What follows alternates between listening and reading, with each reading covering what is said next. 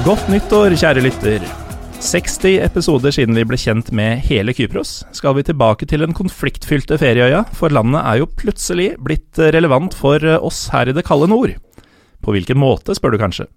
Vel, i nyere tid har faktisk de to største hovedstadsklubbene fått hver sin norske trener. Så i dag skal vi ta en titt på disse klubbene, og hva disse trenerne har i vente, sammen med Andreas Kiriako, velkommen tilbake. Jo, tusen takk. 60 episoder, ja. Det har gått fort. Ja, Du er den uh, sagnomsuste gjesten fra episode 72, og dette er nummer 132. Ja, stemmer. Så hvordan har du hatt det siden høsten 2018? Ja, altså Det har vært, uh, vært bra, det. Og så eh, Fotballmessig så har det jo skjedd litt av hvert. Og det har jo vært noen turer til Kypros eh, siden det, og sett noen kamper på de turene. Mm.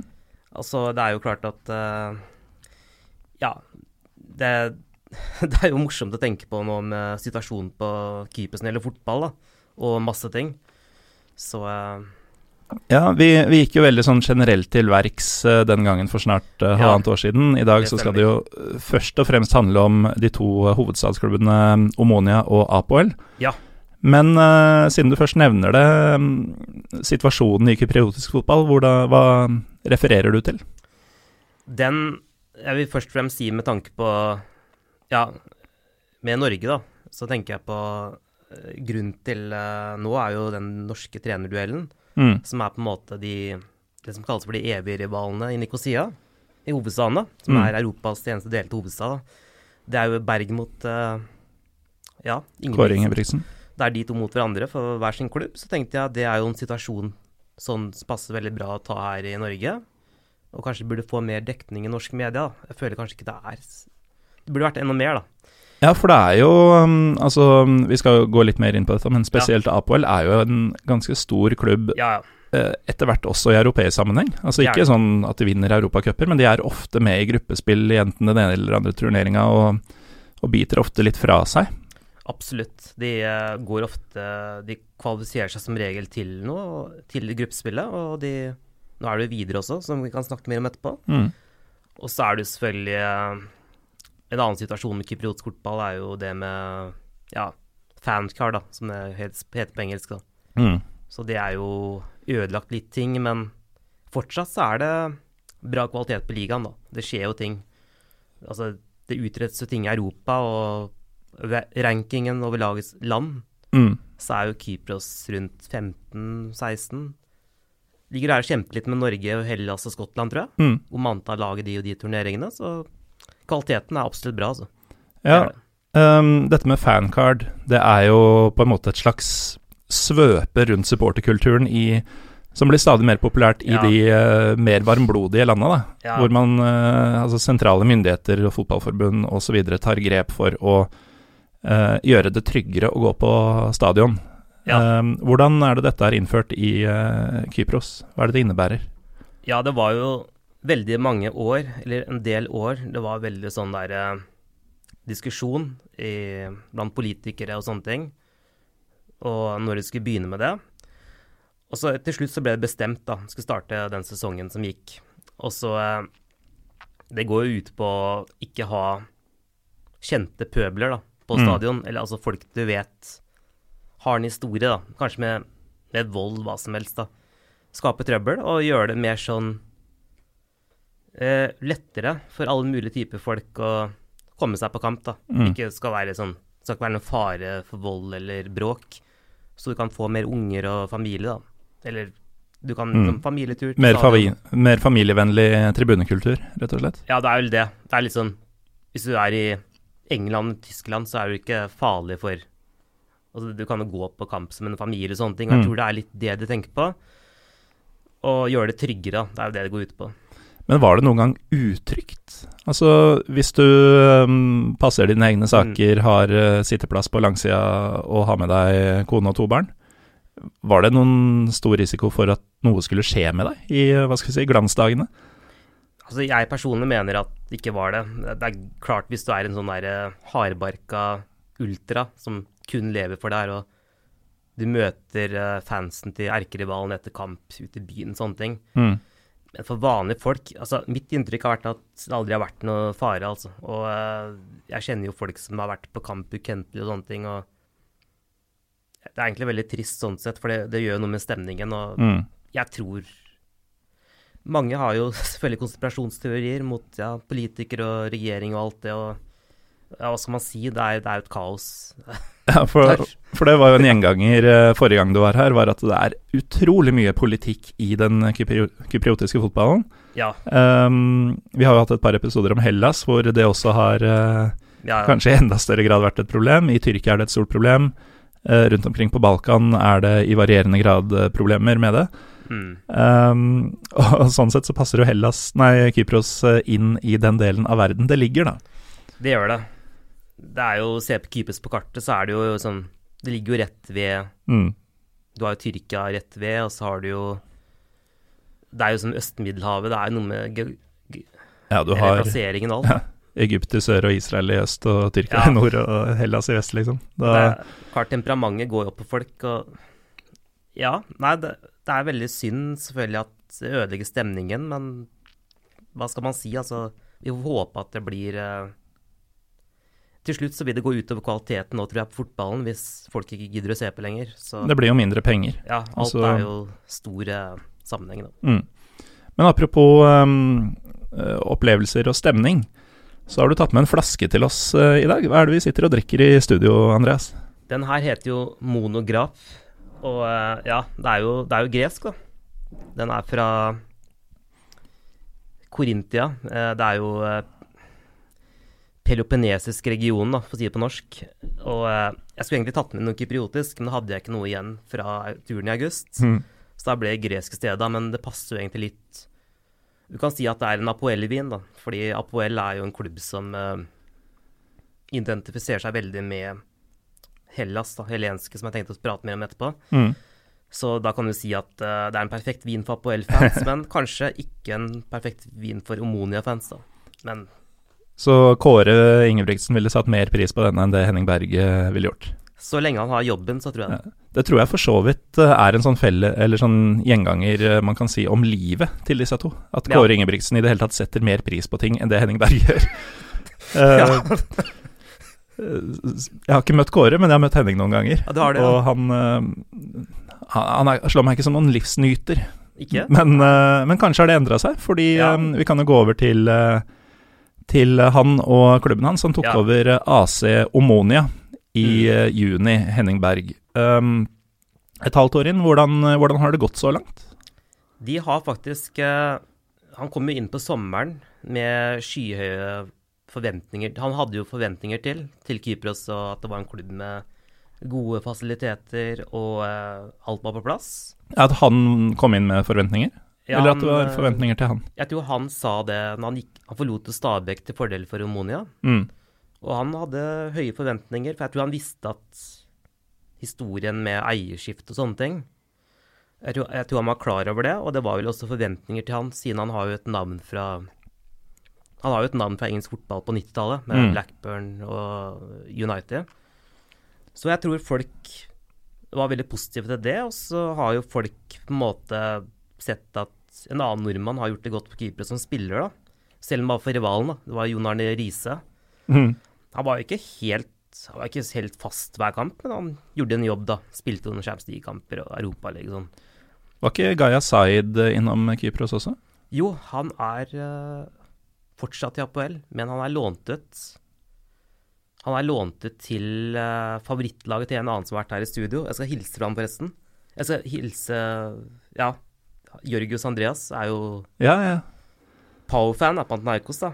Og han er lånt ut der, altså. Der er Zaid nei.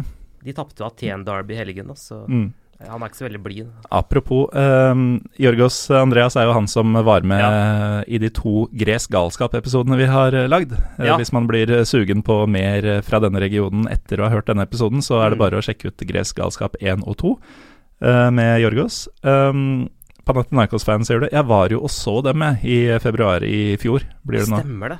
Ja. Og det var så kjipt. Altså, Panathinaikos, da jeg vokste opp, det var jo sånn lag som plutselig var i kvartfinale, tror til og med Ja. semifinale en gang i Champions League Mm. eh, på midten av 90-tallet.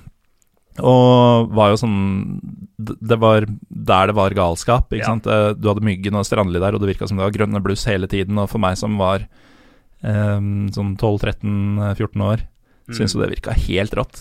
Og så skulle jeg 20 år seinere dra ned og se. Og det var jo kanskje 5000 tilskuere totalt spredt rundt på dette Olympiastadion i pøsregn, og supporterklubben var kanskje 700 mann eller noe sånt.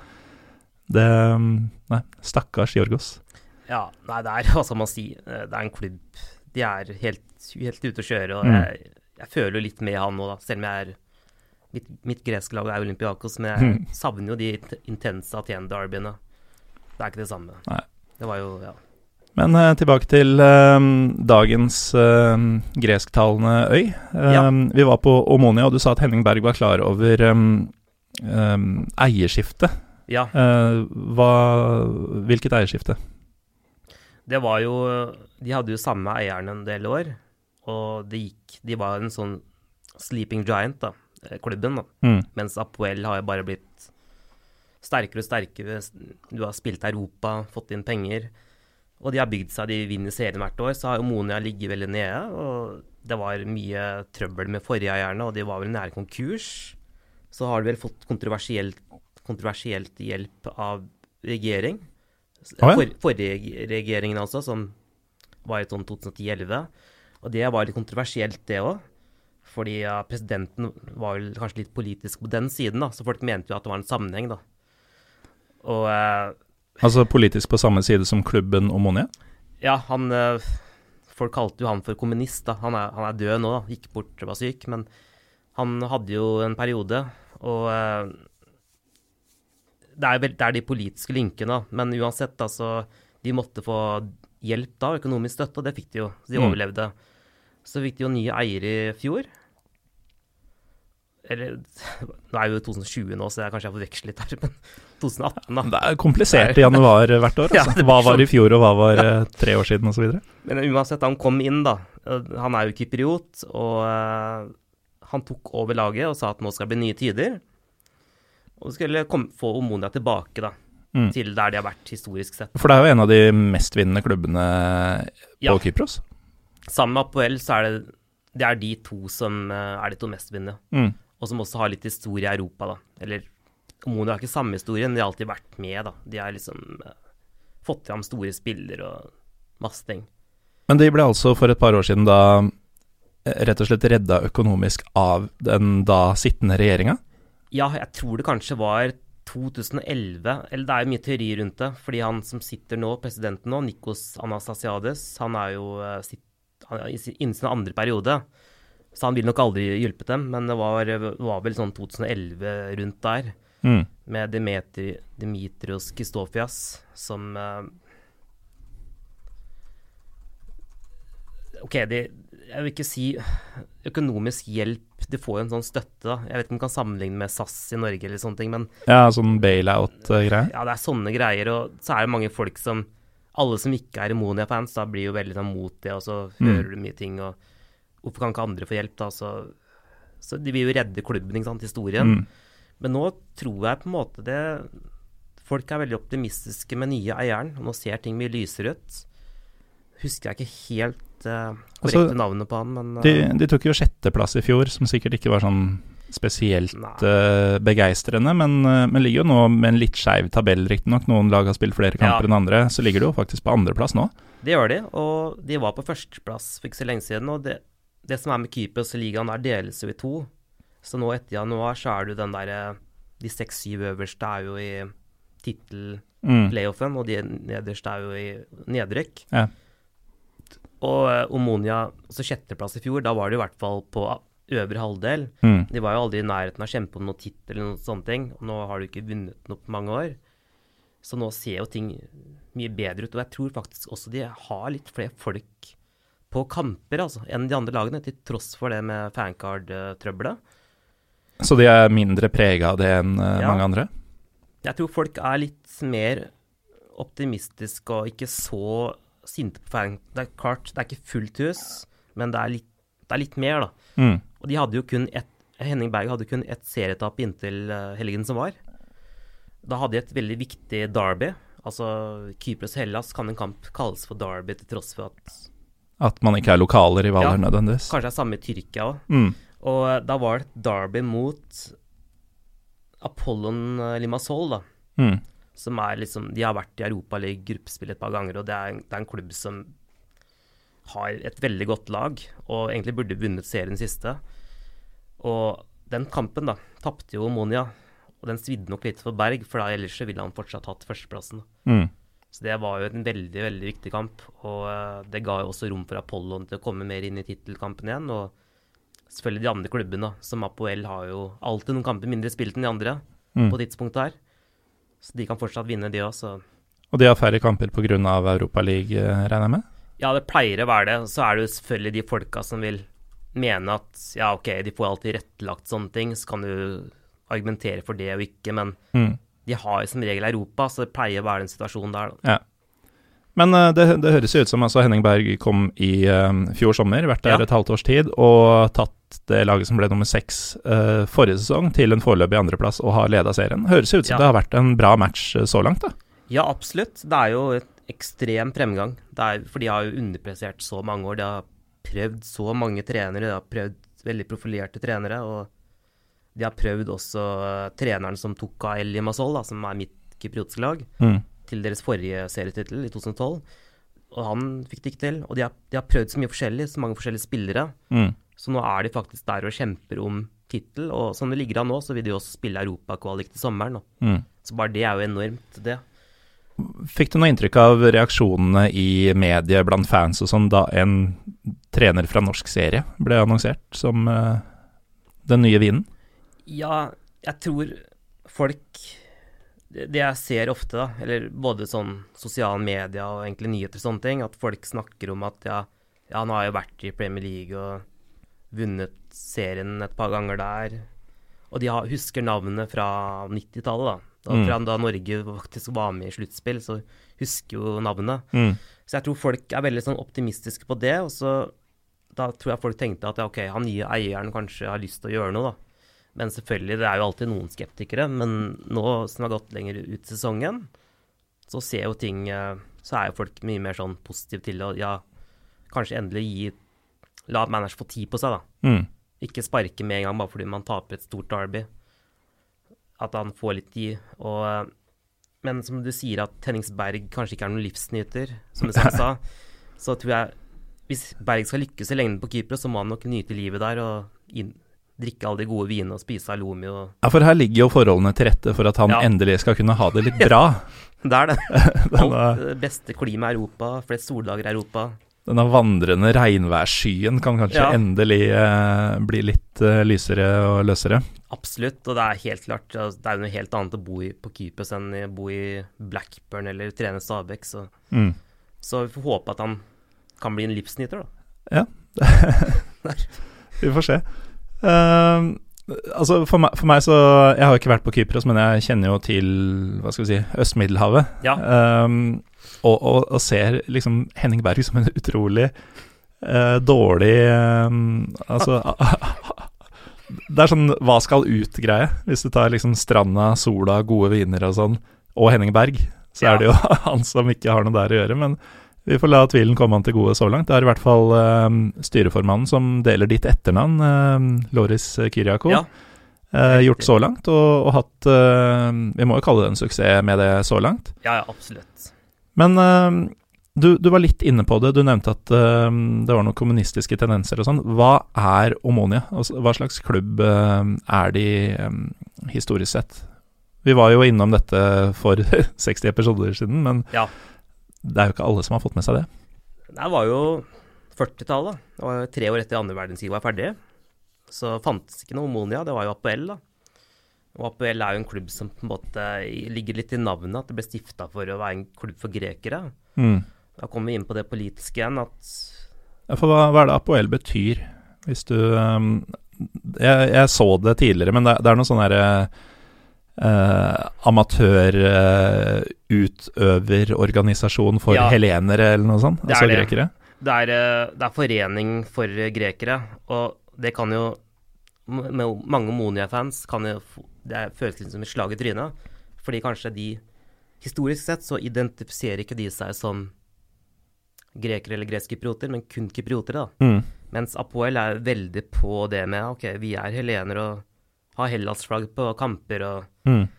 sånne ting. Så uh, Apoel, det, det er jo litt sånn Athletic Football Club of Greeks of Nicosia, for å si det Mm. på engelsk. da. Og eh, det er klart at i 1948 sendte de et telegram, tror jeg. Det var jo før Instagram og Facebook og alt, så måtte de sende telegram.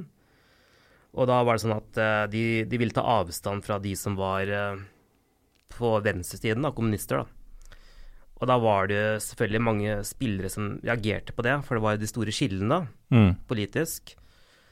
Og de spillerne som ville ta, ikke følte seg identifisere seg med Apoels profil, da. De ville starte noe eget, da.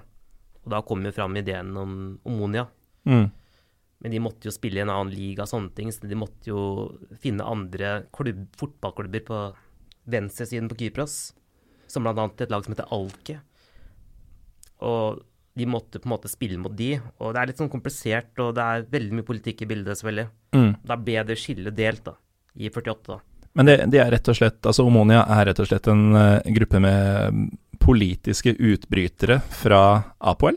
Ja, historisk sett så, så er det jo det. Jeg, jeg lurer på om det er litt sånn Ikke for å ta samme sammenhengen, men Milan og Inter òg var jo litt sånn derre Inter ville jo være litt mer for internasjonal og Mm.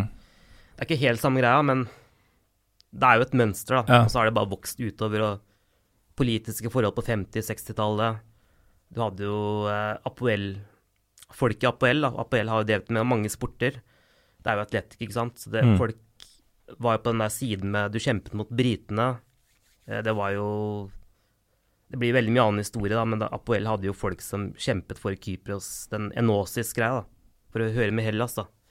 Mens Omonia har jo vært på andre siden igjen, da. De Mm. er jo ikke, føler seg ikke som grekere, da. Snakker vi nå om den greske borgerkrigen eh, og sånn, eller er vi på noe helt annet nå?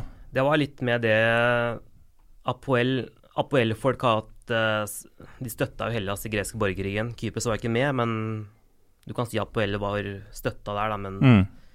så følte vel ikke Omonia folk seg, De spillerne følte seg vel ikke De kunne ikke identifisere med det, så måtte de ha noe eget, da. Mm. Det var ikke relevant for dem. Nei, så har Omonia bare vokst fram. Mm. Så det starta veldig politisk. Det er klart at du finner jo folk i dag som kan heie på klubb, selv om de ikke står politisk samme side, men historisk sett så er jo de kontrastene der, da, Mm. rett og slett. Eh, Er det noe eh, politikk i navnet? Altså, hva er Omonia? Omonia, altså det Jeg har faktisk lenge lurt på selv òg, men det er jo en bydel i Aten nå. Ah. Eh, Omonia Square er et veldig kjent sted i Aten. Et sted i Aten som har veldig lang historie. Som er, litt- nå er det en veldig sånn bydel med mye vold og bråk. Det er, veld, det er et av de områdene i Aten man ikke bør innom, kanskje. Jeg, jeg vet ikke om det var der nå. Jeg vet ikke, jeg heller. Det var, Nei, eh, jeg- I så fall gikk det bra. Ja, jeg tror det er, det er jo Aten er jo noe annet igjen, men det er jo det er litt ironisk da, at de ikke ser på seg selv som Mm.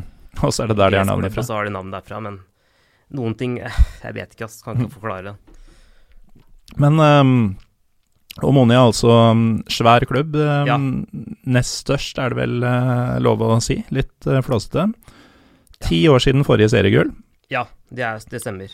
Hvor, eh, hvor sultne er de på suksess, og hvor stort er presset på Henning Berg? Jeg vil si at de er veldig, veldig sultne nå, for de har jo sett Apoel gjøre mye. Mm. Apoel har jo vært i Europa så mange år. I 2012 så kom jo Apoel til kvartfinalen i Champions League. Slo ut Lyon.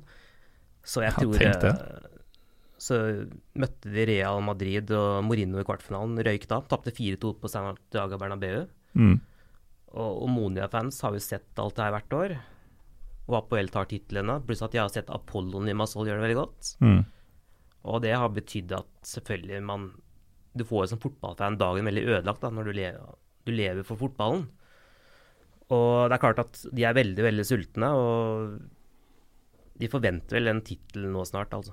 Og nå har de optimismen og alt, så de Jeg tror de virkelig virkelig har virkelig lyst til å vinne i år. De har Mm. virkelig lyst til å gjøre det, men det er Det kan skje så mye. Det er Nå møtes jo alle lagene som er i de sju første plassene hverandre på nytt igjen, og det, det er veldig hardt. Men de kan klare det. Og eh, et av de lagene, altså rett uh, i hælene på, um, på Omonia, så ligger Ja. jo selvfølgelig Apoel. Ja, Hvor, gjør de. eh, hvor Kåre Ingebrigtsen da tok over nå i romjula, var det vel? Eh, veldig fersk eh, ansettelse, dette her. Vanskelig å si selvfølgelig hva han har fått til så langt, men eh, for det første, hvorfor bytta de trener nå? Ja, det var jo Sommeren starta vel med italiensk trener, Mm. eh, Paolo Tramezzani. Han var en uh, mislykka venstreback i Tottenham på slutten av 90-tallet. Så han har tydeligvis bygd seg opp en trenerkarriere. da. Han spilte vel seks kamper for Tottenham. Og så har han eh, klart å bare bygge opp en trenerkarriere. Plutselig ble han ansatt i Apoel, bare slutten av forrige sesong. Og så har han, gikk vel ting greit. Han sikra vel tittelen og sånne ting, da. Men Mm. de vinner jo som regel uansett. Og de bytter jo trenere hele tida. De har eh, Ja, de bytter ofte, altså. Ja, det er, det er veldig synd, egentlig, fordi kanskje kunne klart å skape litt mer Nei, likevel, jeg vet ikke. De, ja, likevel så er det jo i Europa. Mm. Og så ansetter vi han derre Thomas Doll, da. ja. Av alle mennesker. Jeg vet ikke om du har hørt noe særlig på Drita Halbseit, men uh, de har jo tatt for seg Thomas Doll noen ganger. Han, uh, det, det var ikke noen sånn overraskelse at det oppholdet der ble kort, altså. Nei, jeg, jeg vet Han var jo Har spilt for både Øst-Tyskland og Tyskland, tror jeg. Mm. Landskamper. Og, Ja. Men du blir ikke automatisk en god trener av det. nei, men han har jo vært innom en del klubber, da. Altså, OK, han tar over Apoel, og de klarer å komme seg til Det viktigste De klarer ikke å kvalifisere seg til Champions League, for de møter Ajax. Og så spiller du 0-0 i ene kampen. Mm. Men Ajax er jo selvfølgelig Ajax, og de ryker jo til slutt, da. Men da, da blir det Europaliga, da. De klarer å sikre det. Og de slår vel Kvarabag eller noen. Mm. Tror jeg de vant borte mot Kvarabag. De vant uh, borte mot uh, Kvarabag, ja. Ja. Og så kommer det til gruppespillet, og greit, Thomas Doll får til det, og ja Det er jo, ser bra ut, det. Og de spiller jo i gruppe med lag som eh, Sevilla, og ja. Jeg tror Dudelange var i samme gruppa, det. ja, det, det stemmer, det. Jeg vet ikke hvordan Dudelang uttales, men uh... Nei, Jeg, tror det er noe sånn Dudelange, men Ja. um, Men jeg, jeg har ikke fasiten på det. Så det er kulere å si Dudelange, da. Ja. folk. Dudelange. Og så De taper i ene kampen mot Dudelange. Men uh, ja, så er det spilt fem kamper, og da har de faktisk sikra seg plass videre. Mm. Med Thomas Doll da, som trener. Det er ganske utrolig, altså. Og da skal de møte Sevilla hjemme på GSB Arena, som er stadion til både Monia og Apoel. da. Ja, de har samme stadion. Ja, de leier jo av kommunen, så har vel Mm. veldig gode avtaler der. Så, eh, skal, så er det Sevilla, da, og da er det sånn at de er videre uansett, da. De er Mm. sikra det, og det er ikke dårlig, men Sevilla har jo litt av en historie i Europaligaen, så da er det jo alle, alle burde være fornøyde. Og serien så er spillet er litt sånn opp og ned.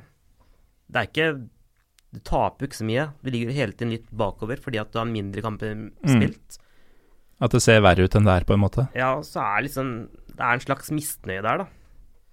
Og så da må Thomas Doll gå. Mm. Og det, det har jo skjedd før at de sparker treneren som kanskje gjør det bra i Europa. Og eh, Men likevel, da, for hvis man ikke kjenner til fotballen på keeper, så tenker man at her har vi en trener som først får klubben til uh, gruppespill i Europa. Og for du ryker mot Ajax i Champions League-runden, kvalifiseringen. Mm. Og så får han en videre fra gruppespillet. Likevel må han gå, da. Så tenker folk at ja, hvorfor skjer det? Det ser jo rart ut. Ja, og så Det er jo et eller annet med klubben Apoel, da. Det er Kanskje ikke det er, det er så mange teorier på det. En teori var at han ikke helt forsto kulturen på Kypros. Om Mm. det er sant, det er, jeg vet ikke. Men uh, de Men- fikk inn en kypriotisk caretaker manager kampen mot Sevilla, er vant til den, da. Ja. Så, Så han forsto jo den kypriotiske kulturen. ja, han er tydeligvis assistent til Kåre Ingebrigtsen òg. Mm. han uh, kypriotiske caretakeren. Så kortversjonen av dette er jo da at uh, siden seriestart så er Kåre Ingebrigtsen uh, Apoels fjerde trener. Ja, det er helt, helt galskap, jeg, jeg lurer på hvor lenge han kommer til å vare. Mm. Så Ja, for det, dette er jo en eh, Skal kanskje ikke si vesentlig større klubb enn Omonia, men i hvert fall en eh, Det er vel en større klubb, eh, litt i hvert fall, og, og i hvert fall en mer suksessrik enn i nyere tid. Ja, ja. Regjerende mester absolutt. var vel sjuende året på rad de vant forrige sesong. Ja, Så- Voldsom fallhøyde for Kåre her. ja, og mange av de trenerne Altså, de har jo vunnet serien hvert år, de har skifta trenere ut og inn og hele tida. Og nå hadde jo Kåre sin første kamp forrige helg, og da ble det jo 4-0 på hjemmebane mot uh, et lag fra Paralimni. Også det, det var jo en grei seier, det, men du, du Det er ikke noe forventer målestokk. Nei, du skal vinne de kampene uansett. Så han der kypriotiske vingen eh, Jorgos Efrem, da. Han var i Arsenal som akademispiller. Ja, han er jo vokst opp på Kypros. Han uh, hadde målgivende skåringer og storspilte. Mm. Og du hadde andre spillere som sto fram, men de kampene vinner Apoel uansett, så det har egentlig ikke noe å si. Altså. Nei, er, vi vet rett og slett ikke hva, uh, hva Kåre hadde med det å gjøre. Som Nei. Og så har de han caretaker-fyren som slo Sevilla, som sikkert eh, sier mye i garderoben. Mm. En sufflør?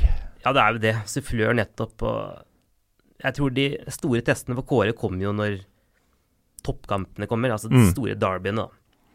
Men uh, hva, hva, kan han vente seg da? Altså Hvis uh, de om et par uker skulle møtt uh, Anortosis, som, ja. som, leder serien nå, ja. og det går til helvete, hva skjer da? Jeg tror ikke det skal så veldig mye til før, de, før han, presidenten bare banker på døra, eller ber han komme inn på sitt kontor da, og si at han er ferdig. Altså, fordi jeg tror det skal veldig lite til. Ja, det virker jo sånn. For det, Huer ruller ja. der, og det har de gjort så lenge jeg kan se, i hvert fall på den lista her. Og det, det, er jo fascinerende at de likevel har tatt hjem titlene for det. Og så har du selvfølgelig de påstandene om ja, de fikser jo serien uansett da, og sånne ting. Men jeg, jeg, tror det er litt overdrevet i påstandene. Jeg, jeg, tror ikke det er så ille, men jeg tror, tror Kåre må vinne de derbyene for å sitte i jobben i, når vi kommer mm. inn i mai, da, når det skal avgjøres både for serie og cup. da. Og så Nå skal de møte Basel i Europaligaen. Så selv om man skulle slå ut Basel eller sånne ting, så tror jeg fortsatt det avhenger veldig av at de har ikke lyst til å De tåler ikke tap mot Omonia, f.eks. Hvis Berg slår Kåre. Mm.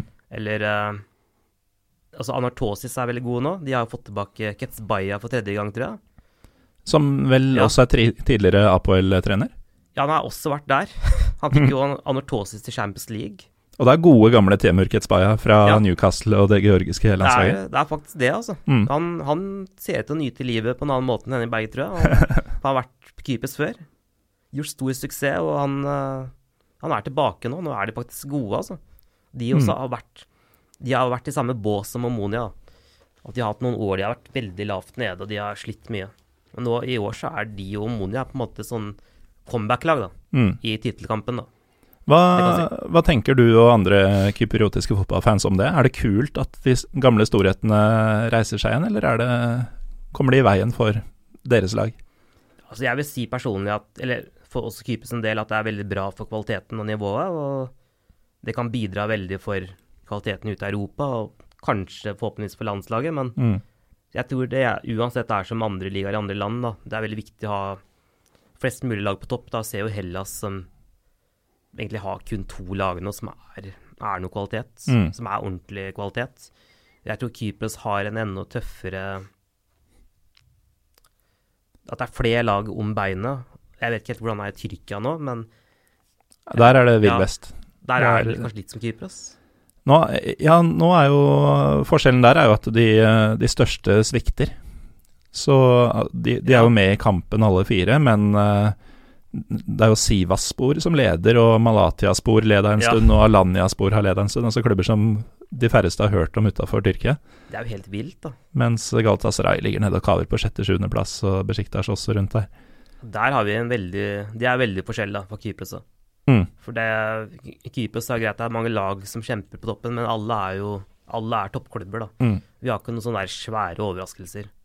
Nei. Nei. nå er det jo ti år siden den siste ordentlig store overraskelsen i Tyrkia også, ja. eh, da Bursaspor vant. Men, eh, for det pleier å ordne seg til slutt for de store, merkelig nok. Ja, de har vel pengene, eller det er vel et eller annet De har vel pengene, og de har vel forbundet, og de ja. ja. Men øh, jo, altså apropos det, siden du nevner Tyrkia. Anortosis er jo litt interessant klubb i så henseende, for de er jo fra Famagusta. Ja.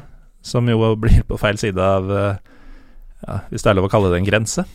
Ja, det er det, ja. Eh, du nevnte jo Nikosia som, uh, som ja. en delt hovedstad i stad. Og det, det, er jo fordi uh, deler av øya er tyrkisk okkupert. Ja, blant annet Famagusta. Siden 1974 har det vært okkupert, og mm. det ble jo da det man kaller en flyktningklubb, da. Den klubben der. De spiller jo ikke kampen i Famagusta, men de spiller jo i Larnaca. Den byen er vel omtrent uh, tom? Ja, det er, det er jo kjent for å være spøkelsesby. Se mm. hotellene og alt. Det var jo hot et av de hotteste reisemålene i Middelhavet på, på 60-tallet. Da hadde mm. jo Hollywood-stjerner som Elizabeth Taylor var jo der, ofte. Og så var det bare Nå er det jo ingenting. Nå er det jo ja, nå er det jo det det er. da. Nå er det en spøkelsesby, og det har jo f.eks. min by, da, Limassol, har jo vokst seg veldig mm. etter det. Nå er jo Limassol sånn 200 000-300 000 mennesker og vokser stadig på turisme og alt. Og det bygges mye ting, så Famagusta er en by som har forsvunnet helt. Og det er, det er tragisk der. Det er jo eh, tomme hoteller, og i Nikosia har vi til og med en forlatt flyplass. da. Du kan se et gammelt fly stå der og Nei, det er, eh, det er tragisk, eh, alt det der. Og Mm. nå ble vel Apoel som klubb ble vel danna i eh, gata som ligger rett ved sånn gjerde som skiller byen, da. Mm. Redra Street, det er veldig kjent gate i Nikosia, da. Det var der første kontorene var, og da ser du på en måte gjerdet med sånn gitter, da. Jeg satt rett ved gitteret i fjor og tok en kaffe, da. Mm. Kunne ikke gå over, for jeg hadde ikke med pass, ikke sant. Nei. Pass, da. Så eh, Nei, det er, det er litt av en historie. Mm. Men uh, tilbake til uh, Apoel. Um, de har jo Altså, jeg ser at Boy Waterman, en av mine favorittspillere bare på navn, han holder fortsatt koken. Ja. Selveste Waterboy. Jeg er nesten overraska over at han fortsatt er med, men han spiller, han. Han er med i stallen og ja. Han jo sånn Han burde jo skrive en selvbiografi Ja. bare, bare om åra på Kypros, for han har Ja. sett mange trenere komme og gå og vært med på en del. Jeg tror han bare har blitt av de der eh, ledertypene i klubben som har vært med på alt og bare Som sikkert uh, hjelper nye trenere og For du, er Du er der hele tida, du vinner titler, du spiller Europa og alt, så Mm. han kan sikkert skrive en trilogi om det her. Altså. Det er Men eh, litt sånn samme som eh, Omonia, nå har vi jo vært litt inne på det. eh, Ja. Hvordan klubben har oppstått og sånn. Dette er jo da eh, grekernes eh, Ja. forening, nærmest, eh, i Nikosia. mm. Um, og så var Omonia litt mer venstrevridd politisk. Hvordan er det de står, annet enn å være greske? Apoel. Apoel Det blir jo da en høyresiden. Det er jo det, da. Det er, det er høyre mot venstre, det her, da. Det klassiske. Og det er jo bare sånn det har blitt mer enn mer, og det har jo politikk veldig kny tett knytta opp til fotball, som i Hellas og Mm. sånn. Så er det vel sånn at, ja Så har jo Apoel vært beskyldt for mye ting med sånn derre det, har det har skjedd veldig grusomme ting. Det har jo vært sånne ekstreme hooligans og sånne ting på kamp i Europa som har tatt med ikke sant, naziflagg og det, det er veldig, Ja, såpass, ja. veldig triste ting, egentlig. Og du har jo partiet på Hellas som heter Elam, da. Er det Gyllen daggry på norsk? Ja, eller det er, det er på en måte Kypros sitt svar på Gyllent daggry som var i Hellas, da. Det er, Mm. akkurat samme greia, og det er Og ofte blir de kobla mot Apoel, men selvfølgelig styret i Apoel, da, presidenten tar jo avstand fra det, men du har de linkene. Og det er ofte vist seg på fotballkamper og sånne ting, og jeg vet ikke, jeg vet ikke så mye om, om Lazio som klubb, men det er kanskje litt samme greiene der, da. Mm. At Lasi har blitt beskyldt for de linkene òg. Så det det er selvfølgelig veldig trist, og det skal ikke være sånn. Ja. At det ikke nødvendigvis er en formell kobling, Nei. men at eh, Ja. man assosierer eh, klubben med, med disse folka, og Ja, uh, det skjer en del på tribunene som kanskje forsterker det inntrykket. Ja, det er det. Og så har du de Når du er på APL-kamp, spiller i Europa eller seriekamp, så ser du jo Hellas-flagg overalt. Og da Mm. tror kanskje resten av verden at ok, det er en klubb fra Hellas, ikke Kypros, da. Og da har du Monia-fans som er motsatt igjen, da. Mm. For de er veldig mot det, og de vil jo ikke identifisere seg med det. Så det er klart at alt det her, da, bare bygger seg sammen. De begge har dominert sportslig, Mm. og alt politiske, og det har bare blitt enda større rivaler opp gjennom årene. Ja. Så for oss som er nøytrale med de to lagene, så er det jo litt fascinerende å se, men det er jo også litt sånn Det blir litt for gammeldags, på en måte. Mm. Det er det er jo så veldig trist at noen drar det så langt, men det er, det er veldig komplisert. Altså. Men eh, altså, Apoel har jo nå i mange år vært eh, størst og best, og har jo Ja. gjennom flere tiår uh, vært blant de største og beste. Hvorfor det, med tanke på den tilsynelatende rådende kaoskulturen? Hvorfor får de det til? Jeg tror det har vært, det har vært penger og Det er som de sier med klubbene i Tyrkia, at det er, det er penger og sikkert av og til litt forbund, og de har, de har kontakten og alt. Og, og så har de hatt, eh, de hatt noen bra trenervalg òg. De hadde jo han serberen eh, Jovanovic. Mm. Så fikk den til Champions League-kvartfinale, og han, han var jo siste mann som ikke fikk sparken. Trakk seg selv for å dra til Qatar og pengene der. Emiratene og sånn. Og så har de hatt noen bra ansettelser, og de bygde opp noen gode lag. Og så har de på en måte klart å flyte på det videre. Og eh, de har jo bare bygd opp en sikkert helt ekstrem vinnerkultur i klubben, da. Mm. Og de er jo en svær klubb. Det er jo som Ammonia, de har fans uh, i hele landet. Uh, det, er, det er liksom ikke Det er ikke sånn Du kan like godt finne Apoel-fan i Limassol eller en Mm. annen by. Men så de har, de har det bare liksom Og så er det ikke så stort land heller, da. Når du først får det økonomiske overtaket, så kan det bli veldig lett å dominere. Så kommer Ammonia kommer jo i en gjeldskrise. Mm. Uh, blir trua med konkurs nesten. Og så klarer de å bygge seg enda mer, da. Så har du jo Apollo Limassol, som er veldig sterke økonomisk, men de har bare ikke tatt serietitlene. Og da sier jo folk at ja, det er fordi at Apoel har dommeren i lomma. Ja. Mm. Tror du på det?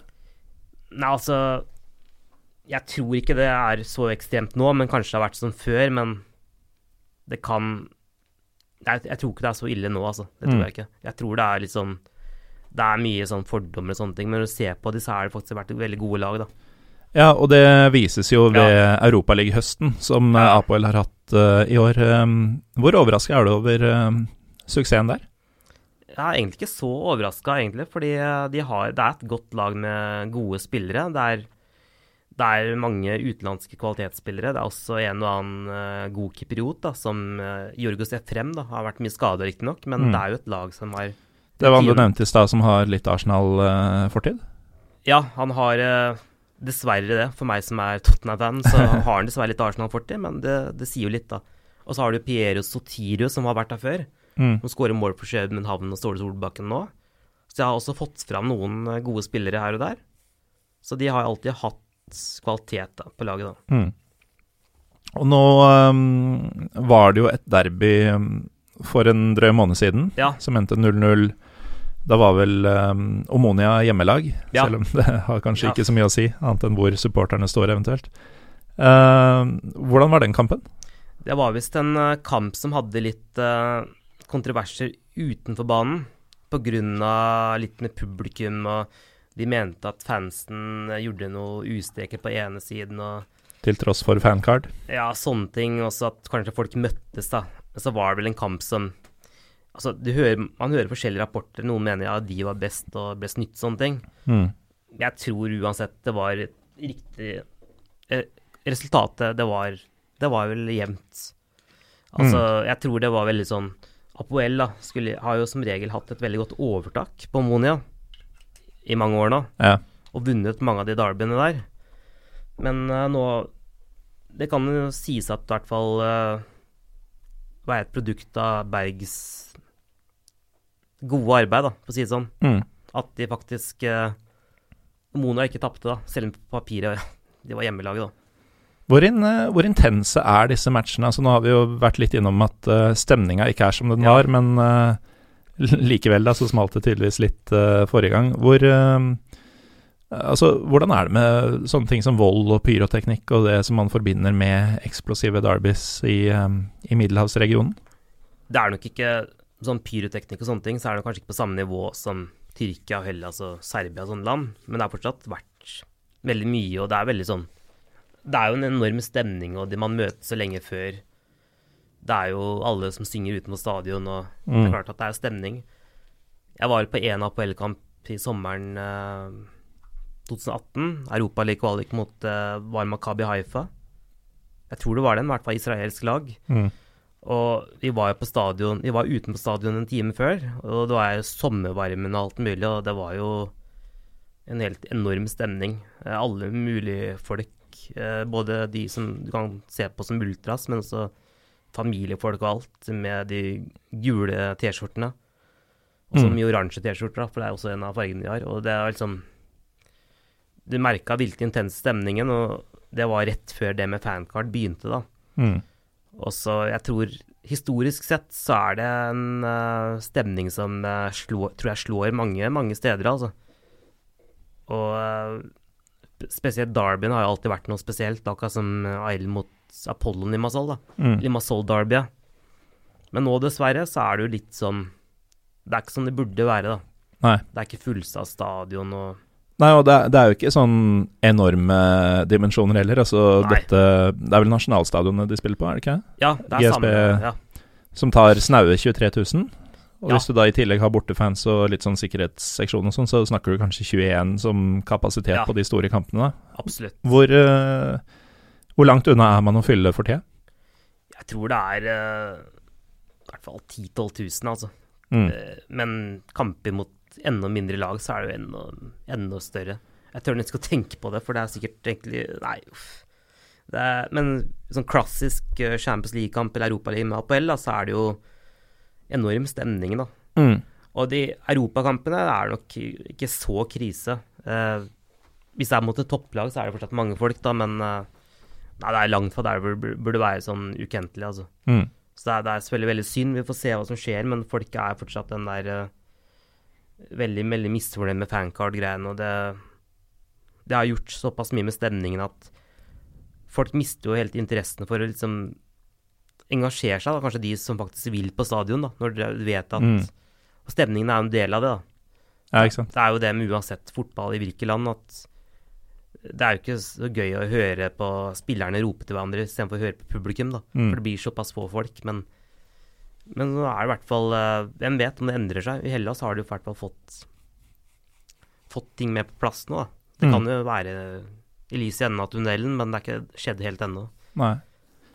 Eh, Vi, vi har vært litt inne på hva slags klubber disse er Ja. ehm, på forskjellige områder eh, historisk sett. Så uh, til slutt om, om derb, selve derbyene mellom disse to lagene. Hva slags um, skal vi si, sosiale, kulturelle, politiske motsetninger kommer fram? Altså, er det sånn at Ser du det under, eh, under oppgjørene? I form av bannere, sanger osv.? Eller er det mer sånn at du må vite om det?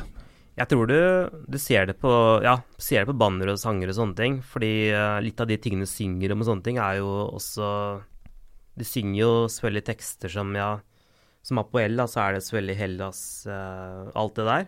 Mm. Det er jo, hender jo av og til at du synger Du synger vel ofte gresk nasjonalsangen, da. Ikke det at det nødvendigvis har så mye å si, fordi Kypros har jo samme nasjonalsang. Det Kan virke litt forvirrende, men Med samme tekst og samme melodi? ja, helt samme greia, så er jo Monia-fansen uenig i det, da. Så da provoserer jo Apoel-fansen å synge den. Og så ser du selvfølgelig flagget og banneret, som har veldig mye å si, da.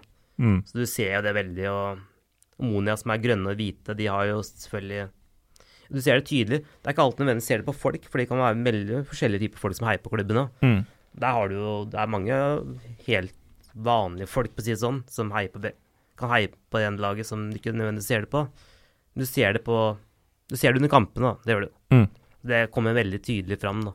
At ja, det her er Apoel eller Omonia og Samme er vel med Apollo Limassol òg, da. Så nå har du jo to norske trenere opp, midt oppi alt det, da. Så vi får se, da, om hvordan første Nicosia Derby kommer til å gå, da.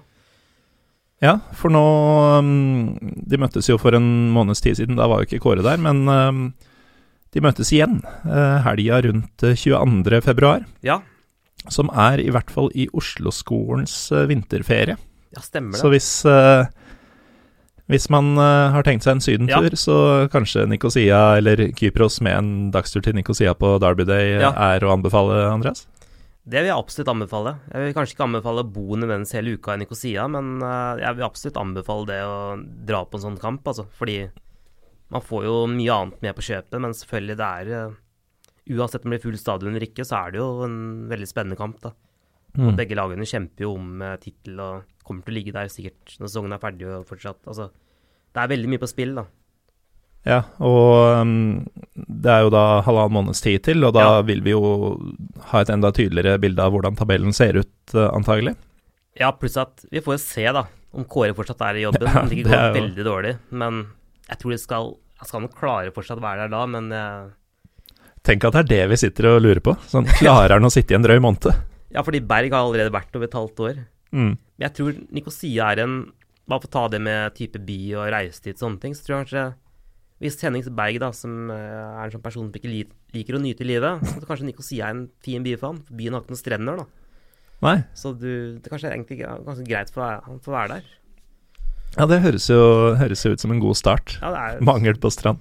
Så får jeg håpe at eh, de to trener, norske trenerne her, at de eh, oppdager andre ting med Kypros. At de, ja, mat og musikk og kultur og drikke Mm. og sånt. Du er jo veldig engasjert i uh, dette med kypriotisk kultur i det hele tatt. Ja. Um, For dem som ikke har hørt episode 72 ennå, uh, som selvfølgelig kommer til å gjøre det nå umiddelbart etter at vi er ferdig Ja. med denne, uh, så kan vi jo nevne at du har en bok utgitt Ja, om akkurat dette. ja. Um, How to become a Cypriot man. Hvor man bl.a. kan lære seg å, å, drikke og sjekke damer som en kypriot. Ja, det er helt riktig, så jeg, jeg får jo håpe at Henning og Kåre kanskje kjøper hver sin kopi nå, da. Fordi da kan jo de kanskje Kanskje lære det, de òg. Kanskje det blir nøkkelen deres for å lære seg kulturen der, og for å, Ja, for det- å faktisk bli værende og bli suksesser der. Det vet jeg ikke om Henning Berg er gift nå, jeg vet ikke hvordan det er. Det men, tror jeg ingen veit. Kanskje han bare burde lese en boka finne seg en kone der, da. Da, da blir det vanskelig å dra derfra. Hvor, eh, hvor kan man få tak i denne? Det er på Amazon. Eh, Det er, man bestiller, kan bestille både papirbok og e-bok. Jeg jobber med neste, da, men det blir jo mer ren fiksjon. da. Ah, ja. Det, det kommer til å ta handling i Hellas. altså Det er jo fortsatt Øst-Middelhavet og alt det. Altså. Mm. Ja. Det blir nok noe fotballstoff, men sånn mer i bakgrunnen, da. Men uh, den som du allerede har ute, er jo da mer en uh, skal vi si, humoristisk Ja. guide til uh, både det stereotypiske Mm. og det faktiske ved, ved kypriotisk kultur. Ja, og siden vi, dette er jo en fotballpodkast, kan jeg nevne at den har et eget eh, sportkapittel. da. Ja. Det er jo et kapittel om sport som både nevner uh, ting vi har snakka om nå, og nevner også landslaget. Mm. og forskjellige ting. Fordi uh, kyprioter er jo som grekere og tyrkere og sånne ting. I regionen, da, så er jeg veldig, veldig, veldig besatt av sport, da. Mm. Selv fotball først og fremst, men basket er stort, og Ja. folk er jo Klart det er ikke fulle stadioner hver kamp nå, men folk er jo superengasjerte, brenner for klubben, og det, Blodet bobler selv om det ikke er på Ja. stadion. det ligger jo familieblod og alt, og det Man følger fotball veldig, veldig Med veldig store emosjonelle ting. Nei, det er Det er, betyr ekstremt mye, da. Det er så Mm. mye Tyrkia og Hellas. Altså det skal ikke være noe som helst tvil om det, altså. Folk prater om det overalt på kafeen og alt, så det, det sitter veldig dypt i. Mm. Det gjør det. Da gjenstår det egentlig bare å takke deg, Ja. Andreas eh, Kyriako, for at du kom tilbake og kasta lys på det nye norske derbyet i Jo, eh. Nicosia. Yes. Og takk for eh, et par glass med monograf. Ja, veldig god vin, det. Ja, den var fin. Absolutt. Jeg skjenka meg et nytt glass mens du prata i stad, som du Ja. kanskje la merke til. Det ser ut som du i hvert fall klarer å nyte den mer enn kanskje Berg ville gjort, så ja. Jeg har litt mer peil på, på å kose meg enn det, enn det jeg tror Henning Berg har. Ja, jeg vil håpe han kanskje kan endre seg litt som person. Om Kåre er livsnyter, det, det vet jeg ikke. Men uh, trønder er kanskje litt mer sånn uh, passionate. Han virker i hvert fall mer, uh, mer jovial. Uh, litt mindre uptight, uten, Ja. at, uten at jeg skal egentlig kaste dom om, over personen Kåre Ingebrigtsen. Det blir opp til styret i uh, Ja. Apoel å gjøre om en uke eller to. Eh, men da takker vi for oss. Eh, dette var årets eh, første av eh, sannsynligvis ganske mange Pyro Pivo-episoder. Yes. Jeg heter eh, Morten Galaasen. Vi er PyroPivopod på Twitter og Instagram. Sjekk også ut nettsida vår pyropivo.com hvis du ønsker. Så høres vi neste uke.